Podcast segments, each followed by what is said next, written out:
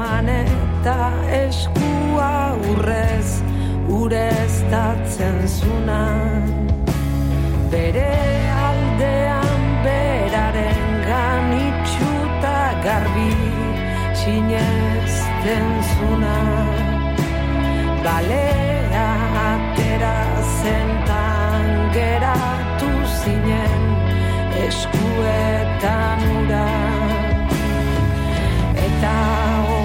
Gaur, bisita berezi bat daukagu zain, beste bisita berezi bat, igartu beiti baserri museoa e, bisitatuko dugu gaur, eta horretarako gipuzkoako herri txiki batera joan beharko dugu, ezki orain zuzen, museo hau oso museo berezia da izan ere esan bezala, eh? igartu beiti baserri bat da, museo bihurtu dutena, amasigarren e, mende erdialdean eraiki zuten, eta Euskal Baserriaren e, urrezkoaroaren adibide paregabea da. Baina gaurko bisitan ez dugu solik e, baserri hau ezagutuko. Igartu beti baserri museoan mundua lau zaporetan margotuta erakusketa dugu ikusgai eta niri jada e, tripak e, krukru egiten dit. Gehiago jakin nahi dugu irati arroio igartu beti baserri museotik horretarako zure laguntza beharko dugu irati eguerdion. Kaixo, guardion. Zer modu zaude? Oso ondo, oso ondo, bai. Aipatu dugu, igartu beti baserri museoan, e, amala, e, mundua lau zaporetan e, margotuta erakusketa duzuela ikusgai. Baserriaren eta museoaren berezitasunez e, gero hitz egingo dugu irati, mundu, mundua lau zaporetan margotuta zer erakusten digu, erakusketa honek, zer ikasteko aukera ematen digu? Bai, ba, erakusketa honek e, euskal kulturaren eta sukaldaritzaren jatorria eta berezitasunak ba, lau saltxaren bitartez e, ezagutzeko aukera ematen digu, bai. Mm Eta, bueno, esan dezakegu baita, ba, bezka, ba, beste zibilizazio batzuen ekarpenak, e, kondairak, e, eta, bueno, errezetak ere e, ditugula erakusketa honetan, Orduan, esan dezakegu, ba, pixka bat, euskal gastronomia bere historiaren bidez e, hobeto ulertzeko ba, osagai guztiak dituen erakusketa bat dela, bai. bai, e, irati, lau zapore, lau saltxa ipatzen dituzu zergatik, lau, zein dira lau horiek? Bai, bueno, esaten da, euskal gastronomiak lau saltxa sortu dituela, bai. Ah?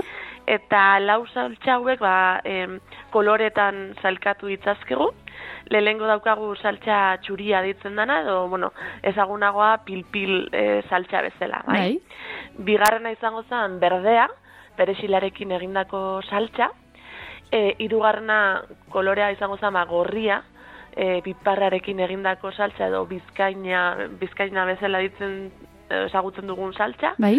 Eta azkenekoa da beltza kolorekoa, bai, txipiroien tintaren saltza hori, bai, orduan, bueno, erakusketan eta ba, gure sukaldaritzako lau saltza e, emblematiko hien ba, historiaren bidez ba, hobetu lertu dezakegu ba, euskal gastronomia. Bai, mm -hmm. azkenen e, lau saltza hobe daukete pixka bat ba, kontinente guztietako e, osagaiak, ez? Orduan pixka bat e, saltza honen bitartez ba, gure geografia e, guztia ba, kostaletik eta mendietaraino zeharkatu dezakegu eta bueno, gero baita saltze haue ba, mundu guztian zehar jundira edo toki guztietara iritsi dira ba, nabigatzaile, arantzale, gastronomo eta turisten bitartez. Bai, un ze goxoa, eze bai, piztu zaidan, irati. Bai. E, ze, ze saltxak, eh? asmatu ditugun beraz e, Euskaldunok. Bai, e, bai. Irati, zein helbururekin prestatu duzu erakusketa hau?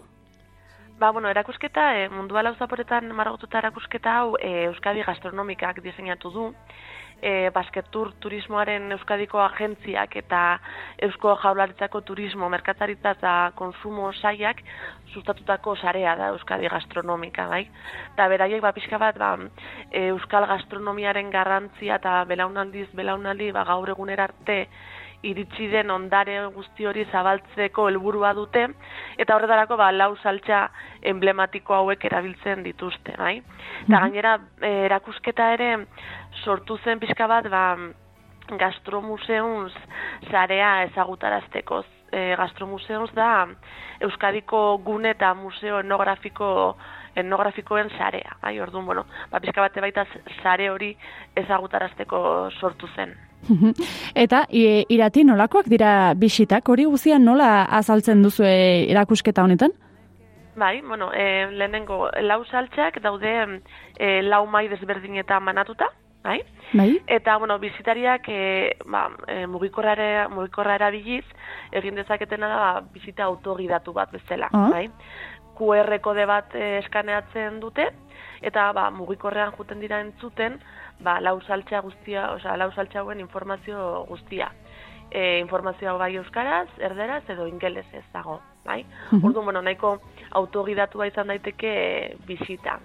Gero bestalde ere, ba, mm, bizitaren e, baitan aurkituko dituzte ba, txoko desberdinak. E, gastronomia liburutegi txiki badago, eta gero baita e, fotoko lantzeko bat daukagu, non euskal erara argazkiak at- ateratzeko aukera dagoen, bai, ba, sukaldari, hartzain edo arrantzalez e, jantzita. Ah. Eta gero, e, umentzako ere, ba, domino antzeko bat e, dugu, eta bertan jolastu dezakete, eta baita sortu da liburuzka txiki bat non e, ba, hori, ba, euskal gastronomiari buruzko marrazki eta joku desberdinak dituzten. Beraz, bueno, esango nuke nahiko bizita dinami, dinamikoa egin daitekela. Bai, e, eta bisitetan zerbait astatzeko aukera izango dugu?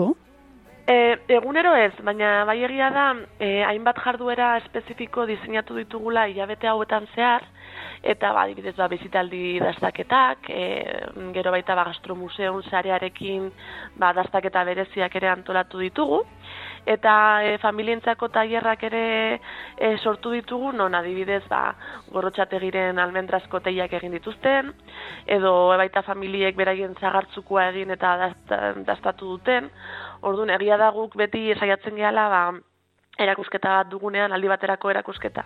Dagoenean, ba, hildo hori jarraituz, ba, ekintza bereziak sortzen. Bai. Mhm.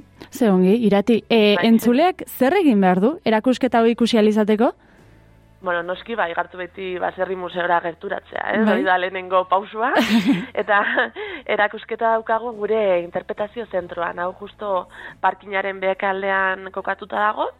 Eta, bueno, orain e, otxailean goizez gaude bakarrik irekita aste hartetik e, igandera, Bai. baina ja martxotik aurrera azten gara goiz eta arratsaldez.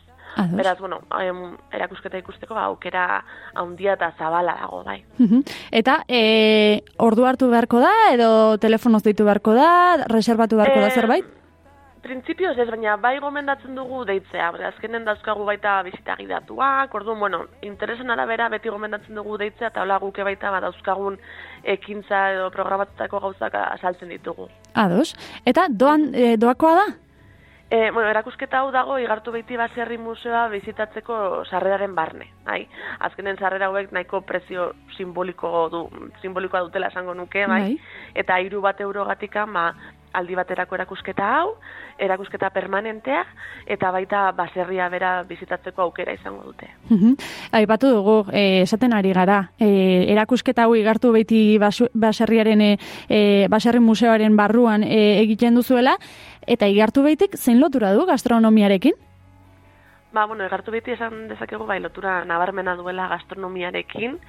Adibidez, bueno, harta txikitik hasita eta mazazpigarren mendean Ameriketatik iritsitako harto arte, ba hor beti jakiekin lotura bat egonda bai baserrian eta egartu beti ere. Orduan, e, bueno, harto honek baita baserrian ba eraldaketa nabarmena eduki zuen, ba, arkitektura aldetikan, aletegi bat sortu behar izan zen hartoaren gatikan, orduan, bueno, jakiekin badu lotura, baina zalantzari gabe igartu behitin e, protagonista ba, edaria da, bai? Osa, igartu behitin e, zagarrak prentsatzeko eta ondoren zagardoa e, egiteko dolare handi bat daukagu, bai?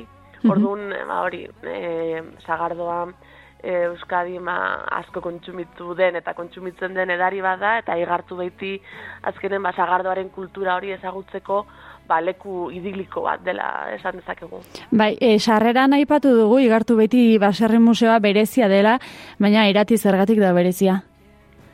Bueno, egartu behitiren, bueno, lehenengo berezitasunak ezagutzeko, ba, hemen e, interpretazio zentru badago, eta bertan azaltzen da, ba, pixka bat, ba, urteetan zehar Euskal Baserriak izandako historia, bai, egartu behitiko famili eta bizilagunen ahotzetan, baina, bueno, azkenen berezitasuna handiena, ba, baserria bera da, bai, egartu behiti, amaseigarren, esan duzun bezala, amaseigarren mendean, e, eraiki zuten, eta bueno, ba, Euskal Baserriaren adibide parega bat da, bai. Mm Eta azkenen igartu behiti, ma ba, hori, e, ja, e, oza, dauke jatorrizko egurezko egitura oso oso paregabea, eta barruan duen dolare honek ba, baita egiten du nahiko baserri berezia eta Euskal Herriko baserri interesgarrienetako bat, bai? Mm.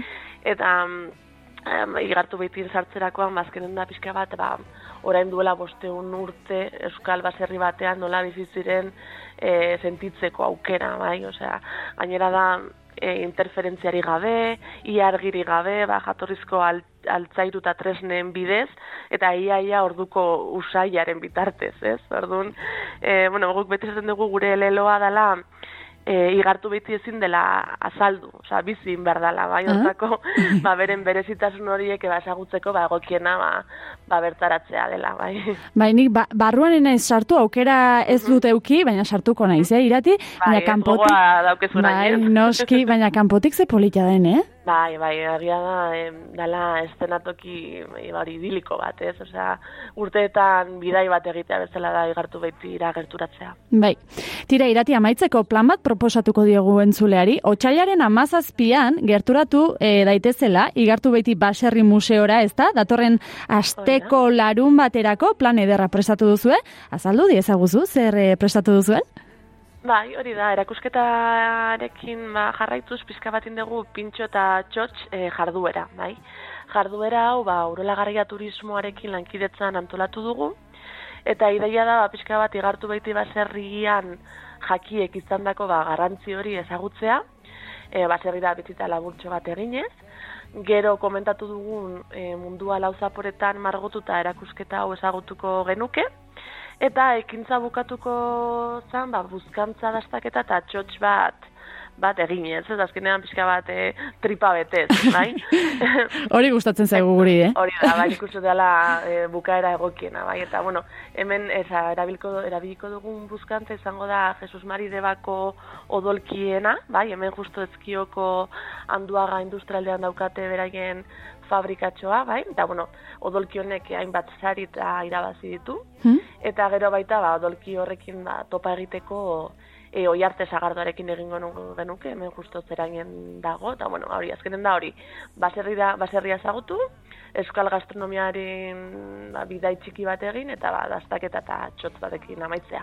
Ba, ze ongi, e, irati, bai. e, ze plan bai, bai. ederra, e, eskaintzen diguzuena, bai. irati arroio igartu beti baserri museotik, mila eskertartetxo bat egin eta gurean izategatik, ongi izan? Bai, berdi, eta eskerik asko. bai, aio. Bai, agur.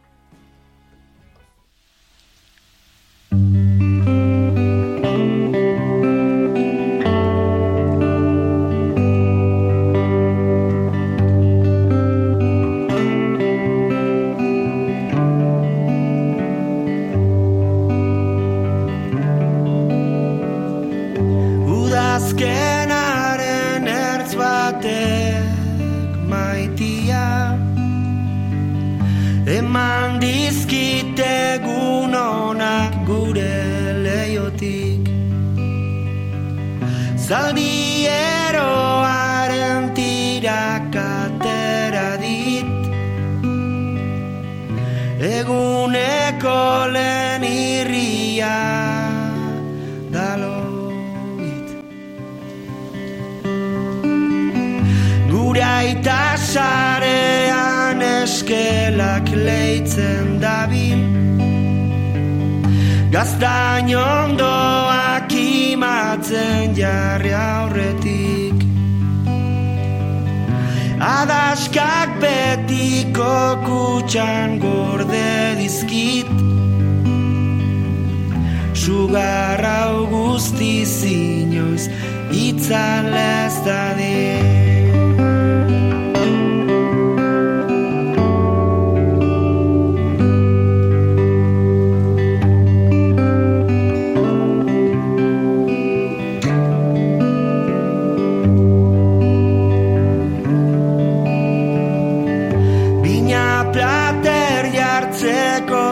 leztadik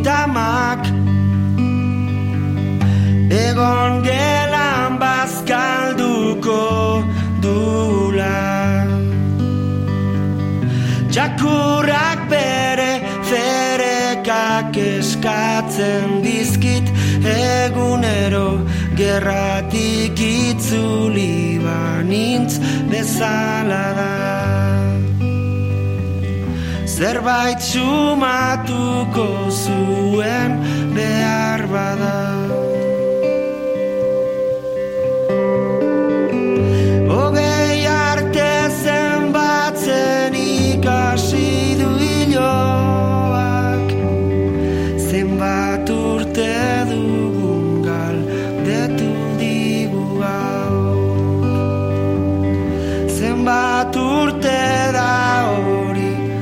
posaba